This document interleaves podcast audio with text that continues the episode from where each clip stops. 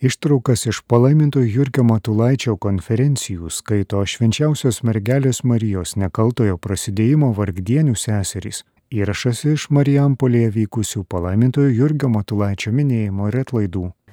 Palaimintasis Jurgis didžiąją gyvenimo dalį patyrė lygą, kaulų tuberkuliozę. Rankos ir kojos įtvarai saugomi palaimintojo Jurgio Matulaičio muziejuje, iškalbingi jo kasdienybės liudytojai. Vis dėlto apie lygą, fizinę kančią ir negalę palaimintasis kalbėjo ir rašė labai mažai. Tačiau jis tikrai gali būti nepamainomų vadovų patarėjų, padrasintojų tiems, kurie atsiduria lygos ir kančios savos ar greta esančio žmogaus akistatoje. Daugelis jo konferencijų atliepia į tokiais momentais kylančius ir į maldą įsiveržiančius klausimus apie tai, kas svarbiausia gyvenime - apie prasme tikslą, kryptį. Štai kad ir ši konferencija, kurios fragmentus skaitome šiandien apie žmogaus tikslą. Palaimintasis Jurgis rašė, aš esu alfa ir omega, pradžia ir pabaiga iš apaštalų darbų. Tai yra tiesa, kurią reikia labiausiai stengti suprasti. Šventasis raštas patarė, visame, ką darai, atsižvelg į pabaigą, o psalmistas meldžia. Pasakyk man viešpatie, kaip ilgai gyvensiu, kokia yra mano dienų trukmė. Leisk man pažinti, koks esu laikinas. Tikslas yra pirmasis dalykas visame kame. Tikslas iš tiesų yra gyvenimo vairas. Kaip jūreivis išsileisdamas į kelionę visų pirma nusistato tašką, kurį turi pasiekti ir tik tada leidžiasi į kelią, susidurdamas su audromis, pavojais ir nesėkmėmis Lygiai taip kiekvienas žmogus turi elgti su savo gyvenimu. Įsmeigę žvilgsnį į to gyvenimo tikslą, lyg į kelrodę žvaigždę, juo vadovautis, pagal jį elgtis, į jį orientuotis. Tasai tikslas turi kaip saulė apšviesti žmogaus gyvenimą. Galimas daiktas, kad jau dešimtis kartų esame apie tai mąstę. Dabar ir vėl reikia tai daryti. Nes praktikoje visuomet esame mažiau rūpestingi. Nei, nei tas jūreivis pamirštame apie savo piligrimystės tikslą, pametame iš akių Dievą ir todėl gyvenimas pradeda painiotis ir aizgytis, o sieloje kyla sumaištis. Todėl reikia tą tiesą savyje atnaujinti, iš naujo permastyti, nes tik per ją galime žengti pirmąjį žingsnį link gyvenimo tvarkos ir ramybės. Tad kasgi yra mūsų tikslas? Svarbus klausimas. Nuo jo sprendimo priklauso mūsų laimė. Jei pamesime tikslą, tai ir mūsų gyvenimas bus prarastas. Gyvenimas yra tiek vertingas, kiek pataiko į tikslą. Šventajame rašte skaitome, kad pats Dievas yra pradžia ir pabaiga Tad pirmiausia ir sustokime prie to, kad mūsų pradžia yra mūsų sutvėrėjas. Buvo laikas, kai mūsų nebuvo. Jis pašaukė mus į buvimą savo visą galinčią valią. Ir kam mus pašaukė į buvimą? Negalėjo kaip tikslo turėti savo poreikio ir naudos, nes jis pats savyje yra laimingas, pats savo pakankamas. Bet jis yra meilė, gerumas, laimės davėjas Taigi pašaukė mus į buvimą, kad padarytų mus laimingus. Iš čia mūsų didis orumas, kuriejas davė mums protą, valią, širdį, gebėjimą mylėti ir nuostabiai padarytą kūną. Nešiojame jo išminties, gerumo, tobulumo atspindį nes gebame pažinti tiesą, siekti gėrio, kurio šaltinis yra Dievas. Esame pajėgų save tobulinti, turime į tai polinkį. Galime, kad ir labai menkų būdų, savyje atspindėti Dievo tobulumą. Jis padarė mus gebančius matyti Dievą galinčius turėti visą jo pilnatvę. Ir nors žmogus prarado tą būklę per gimtąją nuodėmę, vis dėlto Dievas jo neapleido, pažadėjo atpirkimą, atsintė savo sūnų, kad permaldautų įžeistą teisingumą, nuplautų nuodėmę savo krauju ir per tą atpirkimo slėpinį gražintų žmonėms Dievo sūnų, dangaus vaikų bendra paveldėtojų su Kristumi titulą. To negana. Dievas mus nuolat naujomis dovanomis apipila, malonių jūrą užlieja. Ir nors žmogus vėl iš naujo savivaliauja, nebaudžia jo to jau pat laukia jo geros valios, atgailos ašarų, o kai tai pamato, vėl naujai apvelka malonės rūbu. Iš tiesų reikia stebėtis dėl tokio negirdėto gerumo. Atėjome į pasaulį, būdami nuodėmės vaikai, su gimtosios nuodėmės dėme Jis mus apvalė ir malonės rūbų apvilko, palaikė mūsų gyvybę. Gal darėme nuodėmės nuo pat jaunystės, o Jėzus mus kėlė, taisė, netgi vedė.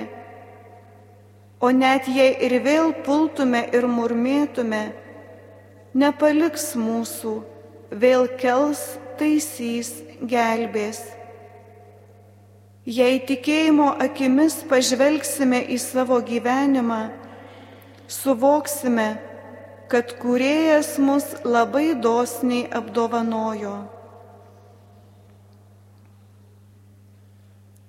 Tačiau Dievas yra ne tik mūsų pradžia, bet taip pat ir pabaiga, tikslas. Išėjome iš Dievo, pas Dievą grįžtame. Kad tikrai taip yra, įrodo faktas, kad niekas negali mūsų patenkinti, tik Dievas. Nei turtai, nei titulai, nei mokslas, nei darbas, nei žmogiškiai idealai, netgi pati dorybė, nors yra didelis ir aukštas dalykas. Joks materialinės ar net aukštesnės sferos dalykas mūsų nepatenkina, tik Dievas. Neklystanti tiesa, pilnutinis gėris, aukščiausiasis tobulumas. Žmogaus širdis instinktyviai veržiasi prie Dievo, kol jame pailsės, nenurims. Dievas šaukia prie savęs keistų širdies jausmu, dažnai lik ir kokia tuštuma, neskanumu. Kai širdis savo tikslo pradeda ieškoti savo kūriniuose, o ne Dieve, žmogus pajunta nerimą ir nusiminimą. Pagal savo paskirimą duodame Dievui garbę, pasivesdami jo valiai ir tada pasiekėme laimę. Dievo garbė yra galutinis išorinis tikslas. Tam tikslui visa paklūsta. Bet Dievas sujungia šį tikslą su žmogaus laime, kurią žmogus pasiekia, jei atiduoda garbę Dievui gyvendamas pagal jo valią ir planą. Šie trys dalykai tarpusavyje susiję. Kuo labiau žmogus tobulinasi, kad atitiktų Dievo valios ir plano numatymus, tuo didesnė jame viešpatauja harmonija, ramybė, tuo laimingesnis žmogus jaučiasi. Apaštalai ir šventieji buvo laimingi, negrinai žmogiška prasme, bet ant prigimtinė. Tokią laimę supranta sielos iš tiesų atsidavę Dievui. Taigi galutinis žmogaus tikslas yra laimė danguje. Bet žmogus turi dar artimesnį tikslą čia žemėje taip sunaudoti to trumpo gyvenimo laiką, kad per jį pasiektų galutinį tikslą. To tikslo pasiekimą Dievas padarė priklausomą nuo mūsų valios. Kiti kūriniai siekia instinktų, o žmogus protu ir valia. Nėra nesvarbu, kaip sutvarkysime savo gyvenimą žemėje, kaip jį pakreipsime, nes laimė nenukrinta už dyką, bet turi būti viso mūsų gyvenimo pastangų rezultatas. Turi būti jo apvainikavimas, atlygis, poilsis po darbo ir vargo. Dievas nori mūsų laimės Tai mums garantuoja įgimtas polinkis. Bet Dievas nori mūsų laimės, kuri atitinka mūsų paskirtį.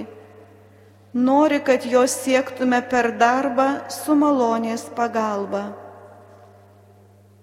O laimę žmogus turės tada, kai žemėje gyvens pagal Dievo valią. Nenukristas į džiaugsmą savaime reikia dėl jo kovoti. Taigi, kai mus prispaudžia rūpeščiai, kai po jais linkstame ir klumpame, kai mumyse kyla sumaištis, tiesiog griūtis, prisiminkime savo savo tikslą. Tegu kaip žvaigždės jūreiviui taip ir mums dvasios žvilgsnio pakėlimas į tą tikslą suteikia linksmumo. Kaip piligrimas pamatęs, kad kelionės pabaiga nebetoli, žengia drąsiau ir linksmiau, taip ir mes po šio gyvenimo, matydami amžinąją laimę, iš jos pasisenkime tvirtumo ir drąsos. Čia atsiskleidžia gyvenimo vertė. Gyvenimas nėra žaidimas, nėra kažkas nesvarbaus. Tikėjimo šviesoje pamatome visą vertę tų darbų, rūpešių reikalų, iš pažiūros tokių smulkių ir mažų. Kaip tik jie yra priemonės kuriomis galime gauti amžinąją laimę. Akmenėliai, iš kurių susideda kelias į dangų ir laimę. Čia ypač atsiskleidžia vertė Dievo ir artimo meilės. nes kaip tik ji tiesiogiai ir artimiausiai veda prie galutinio tikslo.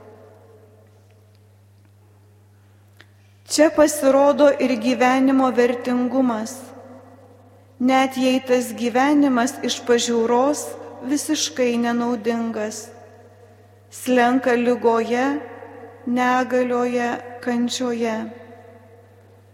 Gyventi visada verta, nes gyvenimas yra Dievo dovana.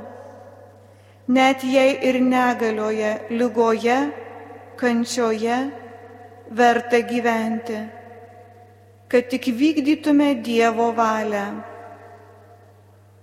Tik krikščioniškame požiūryje atsiskleidžia gyvenimo vertė ne tik darbe, bet ir negalioje, nes visuomet galima Dievui tarnauti, o tai ir lemia žmogaus didybę. Tad mokykimės branginti gyvenimą.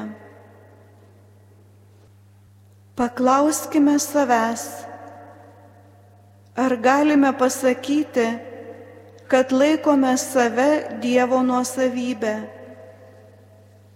kad tai, ką Dievas mums davė, yra Jo. Ar nepametėme iš akių savo tikslo? Ar stengiamės tarnauti Dievui ir pildyti Jo valią? Ar neprarandame pusiausvyros neganduose, sunkumuose, kančioje? Ar esame drąsūs tik tada, kai mūsų savimeilė turi atramos tašką, ar ir tada, kai jo nėra? Ar esame pasirengę viskam? Ar esame pasirengę eiti bet kokiu keliu, kokiu tik Dievas panorės mus vesti? Ar nepaskendome žmogiškų planų apskaičiavimuose? Ar nenaudojome Dievo mums duotų dovanų savo savimeiliai paglostyti?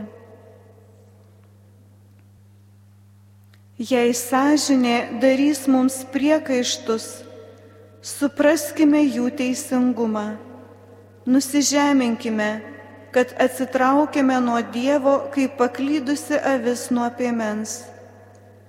Bet neprarasdami džiaugsmo ir pasitikėjimo, sakykime Dievui, kad nuo dabar leidžiame jam mus visiems laikams nunešti į savo avidę.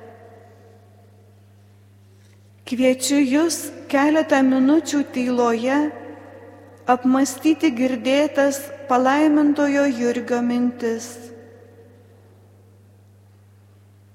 Kuri mintis Jūs prakalbino ir ką šiandien Dievas Jums per ją nori pasakyti.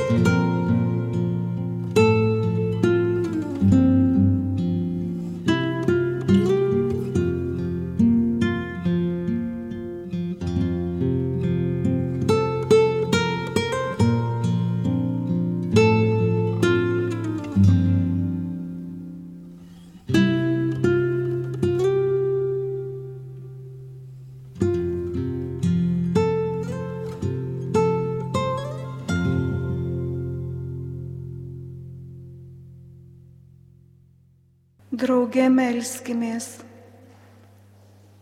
Begalinio gerumo Dieve, dėkoju tau už palaimintą į Jurgį,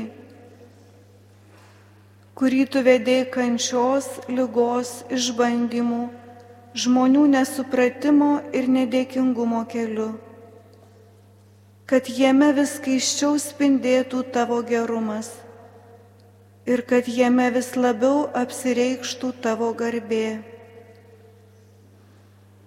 Per jo užtarimą meldžiu tave, kad visuomet pajėgčiau pasirinkti gerą ir nusigręžti nuo pikto, atmesti nuodėmės tamsą ir eiti tiesos bei šviesos link Tegu visuomet mano širdyje dega didis troškimas būti šventam ir rėgėti tave veidas į veidą dangaus tėvynėje. Tėve mūsų, kuris esi danguje, tiesie šventas tavo vardas, te ateinie tavo karalystė, tiesie tavo valia kaip danguje, taip ir žemėje. Kasdienės mūsų duonos duok mums šiandien ir atleisk mums mūsų kaltes, kaip ir mes atleidžiame savo kaltininkams.